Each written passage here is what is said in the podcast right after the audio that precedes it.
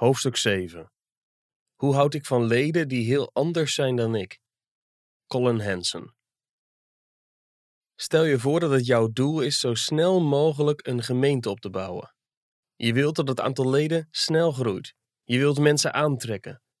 Welke strategie kies je dan? Je zult waarschijnlijk beginnen met Bijbelonderwijs, of niet?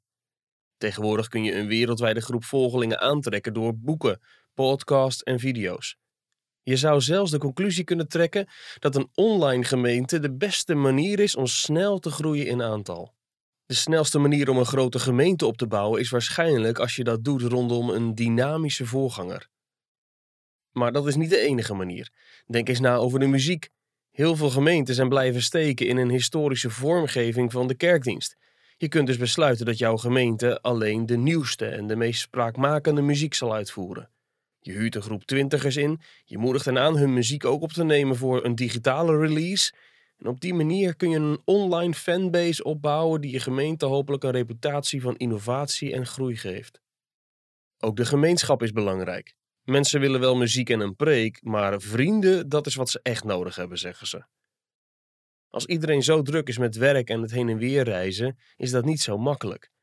Daarbij komt dat juist kleine groepen veel effectiever zijn als je wilt dat mensen elkaar leren kennen. Maar hoe kun je dat organiseren? Je kunt mensen op basis van postcode bij elkaar laten komen. Soms zul je al bestaande vriendengroepen in je structuur kunnen opnemen. De beste aanpak echter is om ze te organiseren op basis van leeftijd of interesse. Maak een groep van alle ouders met één kind.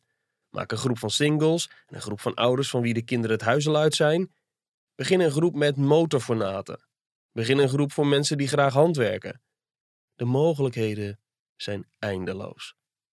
Uiteindelijk zullen mensen zich aangetrokken voelen tot je gemeente, omdat je zo'n breed palet aan mogelijkheden biedt. Als je het beste jeugdwerk aanbiedt, zullen ouders voor jouw gemeente kiezen. Ga ook diensten op zaterdagavond beleggen, zodat mannen die graag golven op hun zondagmorgen daarvoor kunnen vrijhouden. Hoe meer verschillende manieren mensen kunnen deelnemen aan jouw gemeente, zonder dat ze hun levensstijl hoeven aan te passen, hoe gemakkelijker het voor je gemeente is om te groeien. Deze denkoefening geeft je een inkijkje in hoe veel kerkleiders tegenwoordig denken. We beginnen met het uitgesproken doel om te groeien in aantal. Maar is het je opgevallen van welke vooronderstelling al deze strategieën uitgaan? Mensen willen graag bij mensen zijn die op hen lijken. Ze voelen zich op hun gemak in vertrouwde, voorspelbare patronen. Ze willen omgaan met mensen die dezelfde manier van Bijbelonderwijs fijn vinden, dezelfde muzikale voorkeuren hebben, dezelfde vragen stellen over trouwen, ouderschap of uitgaan, en vaak ook dezelfde huidskleur hebben. De snelste en de meest effectieve manier om een grote gemeente op te bouwen is dat je kiest voor een bepaald deel van de bevolking dat een aantal interesses deelt, en dat je op die mensen inspeelt door de manier waarop je preekt, zingt en vriendschap bevordert. Dat is geen nieuwe trend. In een groot deel van de kerkgeschiedenis is men daarvan uitgegaan. Daarom moeten wij de gemeente opnieuw ontdekken, als een gemeenschap van verschillen. De plaatselijke gemeente is de plek waar Jezus ons leert alle soorten mensen lief te hebben, zelfs onze vijanden, uit verschillende groepen, uit verschillende rassen en uit verschillende volken. Zoals de morgenzon aan de horizon verschijnt, zo moet de profetie van het Oude Testament zich in onze gemeente beginnen te vervullen. Ze zullen hun zwaarden omsmeden tot ploegscharen en hun speren tot snoeimessen. Geen volk zal tegen een ander volk het zwaard opheffen. Oorlog voeren zullen ze niet meer kennen. Jesaja 2 vers 4 Kijk dus eens om je heen als je op zondagmiddag met anderen uit de gemeente samen bent. Kijk naar de mensen met wie je op zondagavond het bezoekwerk in het verzorgingstehuis doet. Of naar de mannengebedsgroep op vrijdagmorgen. Vraag je dan af wat je dan ziet. Gaat het om liefde die gedeeld wordt met een eenheid in verscheidenheid? Van buitenaf zien Jezus' twaalf discipelen er grotendeels hetzelfde uit. Het zijn Joodse mannen. Voordat Jezus hen riep om hem te volgen, werkten verschillende van hen als visser. Bij anderen lezen we niets over hun eerdere beroep. Maar we weten wel dat Jezus Matthäus riep terwijl hij in zijn tolhuis zat. Matthäus 9, vers 9. Misschien staan we bij zo'n detail niet zo snel stil, maar Matthäus wist wel wat er belangrijk was voor zijn Joodse lezers. Waarom? Omdat ze tollenaars haten. En dan niet op de manier zoals mensen een hekel hebben aan de blauwe envelop, maar heel veel erger. Joodse belastingambtenaren werkten voor de gehate bezettende macht. Ze zamelden het geld in waarmee het Romeinse leger in stand werd gehouden dat hem met wrede efficiëntie overheerste. Juist omdat Jezus Matthäus riep, werden de fariseeën boos. Waarom eet uw meester met de tollenaars en zondaars? Ze vroegen ze aan Jezus' discipelen. Jezus hoorde hen die vraag stellen en hij antwoordde: Wie gezond zijn, hebben geen dokter nodig, maar wie ziek zijn. Maar ga heen en leer wat het betekent. Ik wil barmhartigheid en geen offer. Want ik ben niet gekomen om rechtvaardigen tot bekering te roepen, maar zondaars. Matthäus 9, vers 11 tot en met 13. Zowel binnen als buiten de gemeente kennen veel mensen die verwarring van de fariseeën. De gemeente is toch voor mensen met de juiste politieke voorkeur? De gemeente is toch voor mensen die hun zaakjes op orde hebben? De gemeente is toch voor mensen die eruit zien, denken en praten zoals ik? Voor een bezoeker die niet vertrouwd is met de gemeente, kan iedereen er zo gelukkig, succesvol en af uitzien. Soms is dat ook precies de indruk die een gemeente wil wekken. Maar dat is niet wat Jezus beoogde. Alleen wie ziek is, gaat naar de dokter. Alleen zondaars gaan naar de kerk. De Fariseeën dachten dat ze los van Jezus rechtvaardig konden zijn. Ze hadden hem niet nodig. Matthäus en de andere zondaars wisten wel dat ze Jezus nodig hadden. Ze schaamden zich voor hun verleden, schuldbewust over wat ze wel en wat ze niet hadden gedaan. En zijn liefde was totaal anders dan alles wat ze eerder hadden ervaren. Eerst waren ze verschoppelingen, maar nu waren ze dicht bij de Zoon van God gekomen. Ze zouden niet meer zonder hem kunnen leven. Deze tollenaars en zondaars zouden los van Jezus geen contact met elkaar hebben gehad. Ze hadden niet veel gemeenschappelijk, behalve dat ze door de Fariseeën werden afgewezen. Maar Jezus bracht mensen samen die van nature geen vrienden en bondgenoten zouden zijn. In dezelfde groep van twaalf discipelen riep Jezus ook een man die Simon heette, maar die iedereen kende als Zelotus. Handelingen 1 vers 13. Zeloten waren uit op een gewelddadige omverwerping van de Romeinse bezettende macht. Ze namen het de fariseeën kwalijk dat ze niet genoeg deden om die vreemdelingen te verdrijven. Maar ze hadden pas echt een hekel aan collaborateurs. Aan van die mannen zoals Matthäus de tollenaar. Je kunt je de enigszins ongemakkelijke gesprekken tussen Simon en Matthäus wel voorstellen. En toch had Jezus hen allebei geroepen. Hij hield van hen beiden. Hij besteedde jaren van zijn leven om beide te onderwijzen over het koninkrijk van God dat alle aardse verdeeldheid overstijgt. De reden waarom we de gemeente opnieuw moeten ontdekken als een gemeenschap vol verschillen, is omdat we te gemakkelijk vervallen in wereldse ideeën over wat een gemeenschap is.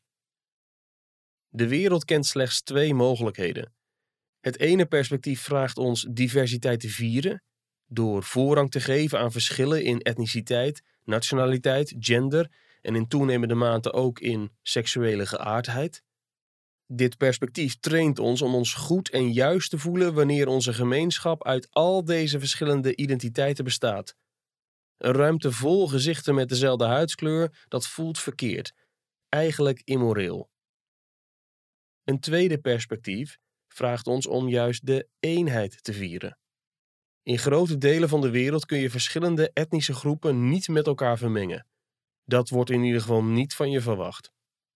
Je leeft misschien in een afgelegen gebied met slechts één economische klasse of etniciteit, of in een land dat een kastenstelsel kent dat mensen al voor hun geboorte van elkaar onderscheidt, waarbij je onmogelijk van positie kunt veranderen.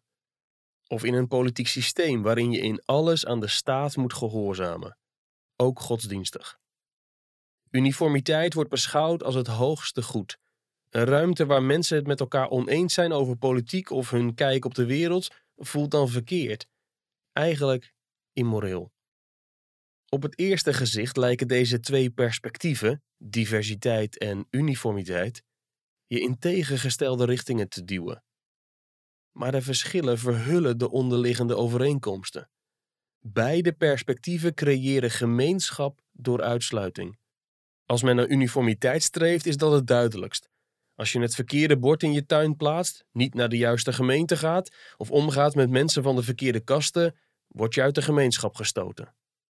Toch gebeurt bij het streven naar diversiteit precies hetzelfde. Alleen een bepaald soort diversiteit is toegestaan. Je mag wel van een andere etniciteit zijn, maar je mag niet van mening verschillen over seksuele ethiek. Je mag er trots op zijn dat je uit een ander land afkomstig bent, maar je mag niet de verkeerde politieke partij steunen. Je kunt toegejuicht worden om je gender, maar niet omdat je vasthoudt aan de biologische verschillen tussen de geslachten. Wat ze ook mogen voorwenden, beide perspectieven creëren gemeenschap door uitsluiting. Ze lijken op broederschappen waarvan je alleen op uitnodiging lid kunt worden en die een gemeenschap opbouwen door exclusiviteit.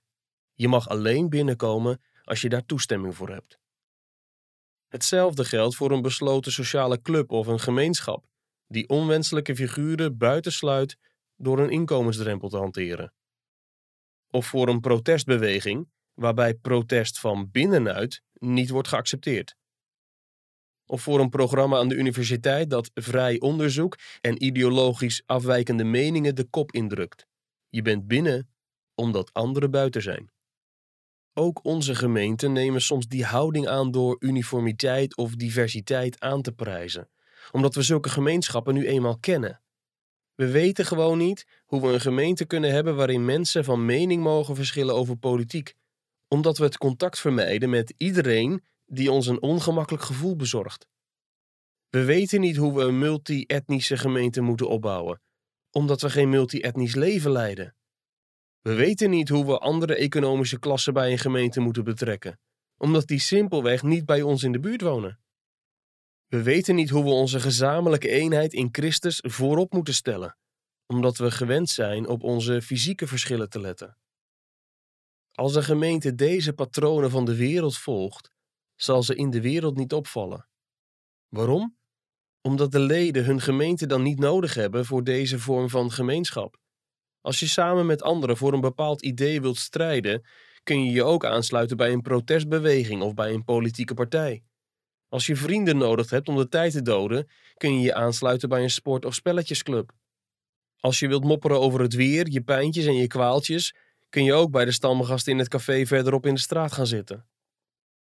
Maar een gemeente die door de wereld wordt opgemerkt, brengt mensen samen die normaal niet met elkaar omgaan. Tollenaars en ijveraars, zondaars en fariseeën. Dat maakte de eerste christenen zo vreemd, dat sommigen zeiden dat ze de wereld in rep en roer brachten. Handelingen 17 vers 6. In de antieke wereld hing je godsdienst samen met onder andere je politieke en etnische identiteit. Als mensen oorlog voerden, vochten ze tegen mensen met andere lokale goden en andere heersers. De Romeinen overwonnen in de hele wereld zulke kleine groepen.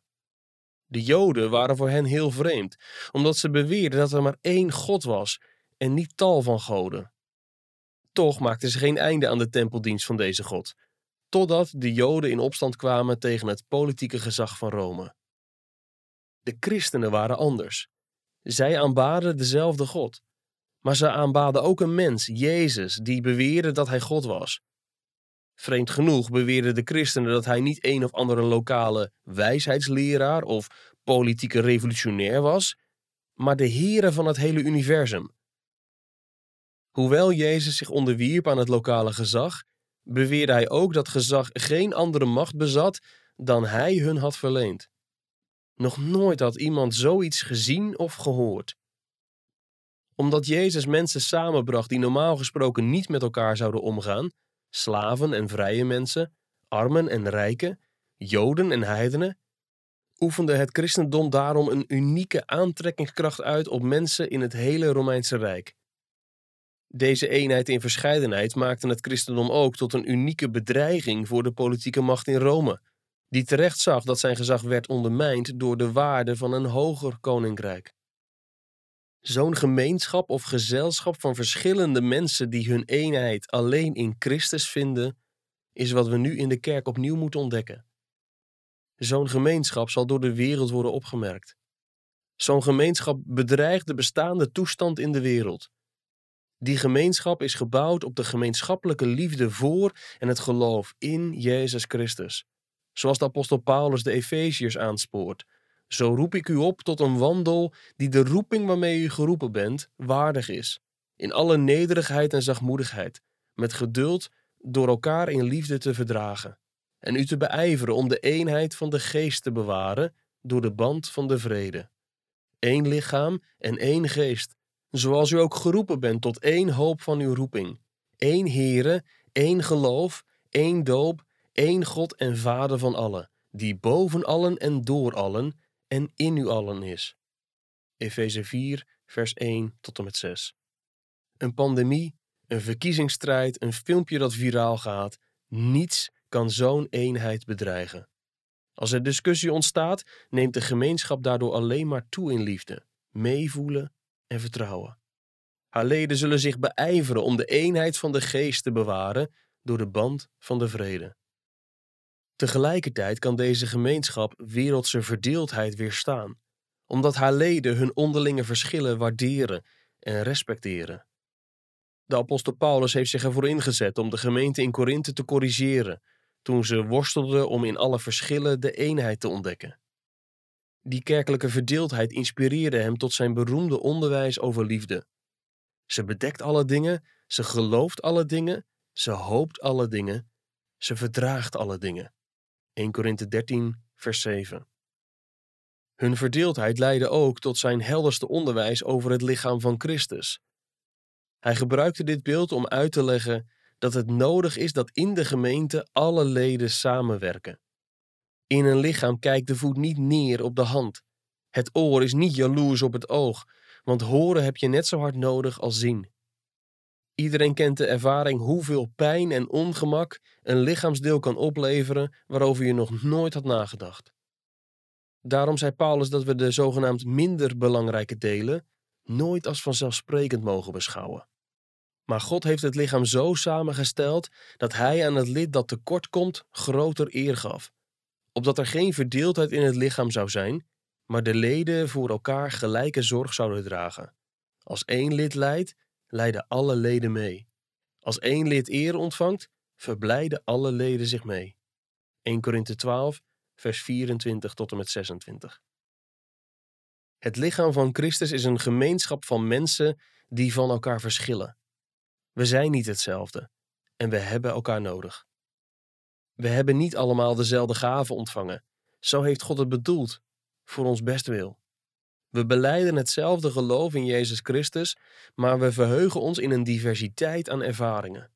Dat is Gods visioen voor de gemeente die wij opnieuw moeten gaan ontdekken. Dit model biedt niet de snelste manier om de grootste gemeente op te bouwen, maar het is wel de duurzaamste manier om een gezonde gemeente op te bouwen. Als je snel een grote gemeente wilt opbouwen, moet in plaats van de uiteenlopende gaven die God ieder lid van het lichaam heeft gegeven, de unieke persoonlijkheid en de bijzondere prediking van de voorganger centraal staan. Dan zul je ook muziek uitkiezen die goed aansluit bij de leeftijdsgroep, klasse en etnische groep die je wilt bereiken. Bijvoorbeeld witte twintigers met een baan en voldoende inkomen, plus tijd en behoefte aan een gemeenschap. Het is niet zo dat zulke gemeenten verkeerd en zondig zijn. In feite bestonden veel, zo niet de meeste gemeenten, in de loop van de wereldgeschiedenis uit soortgelijke mensen met vergelijkbare interesses. In sommige gevallen bouwden etnische minderheden in allerlei delen van de wereld hun eigen afzonderlijke gemeenten, omdat ze door racisme werden buitengesloten uit de gevestigde kerken of simpelweg vanwege een taalbarrière.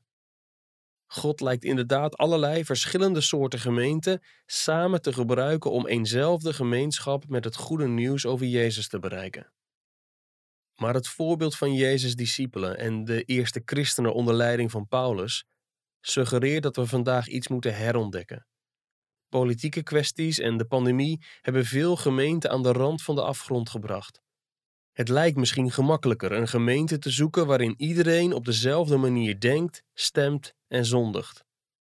Het is voor je geestelijke groei echter beter als je een plek zoekt in een gemeenschap waarin mensen van elkaar verschillen.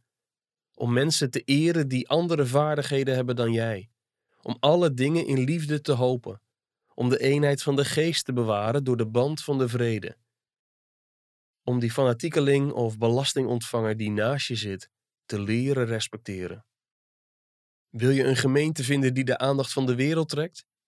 Zoek een gemeente die lijkt op de wereld die we nog verwachten.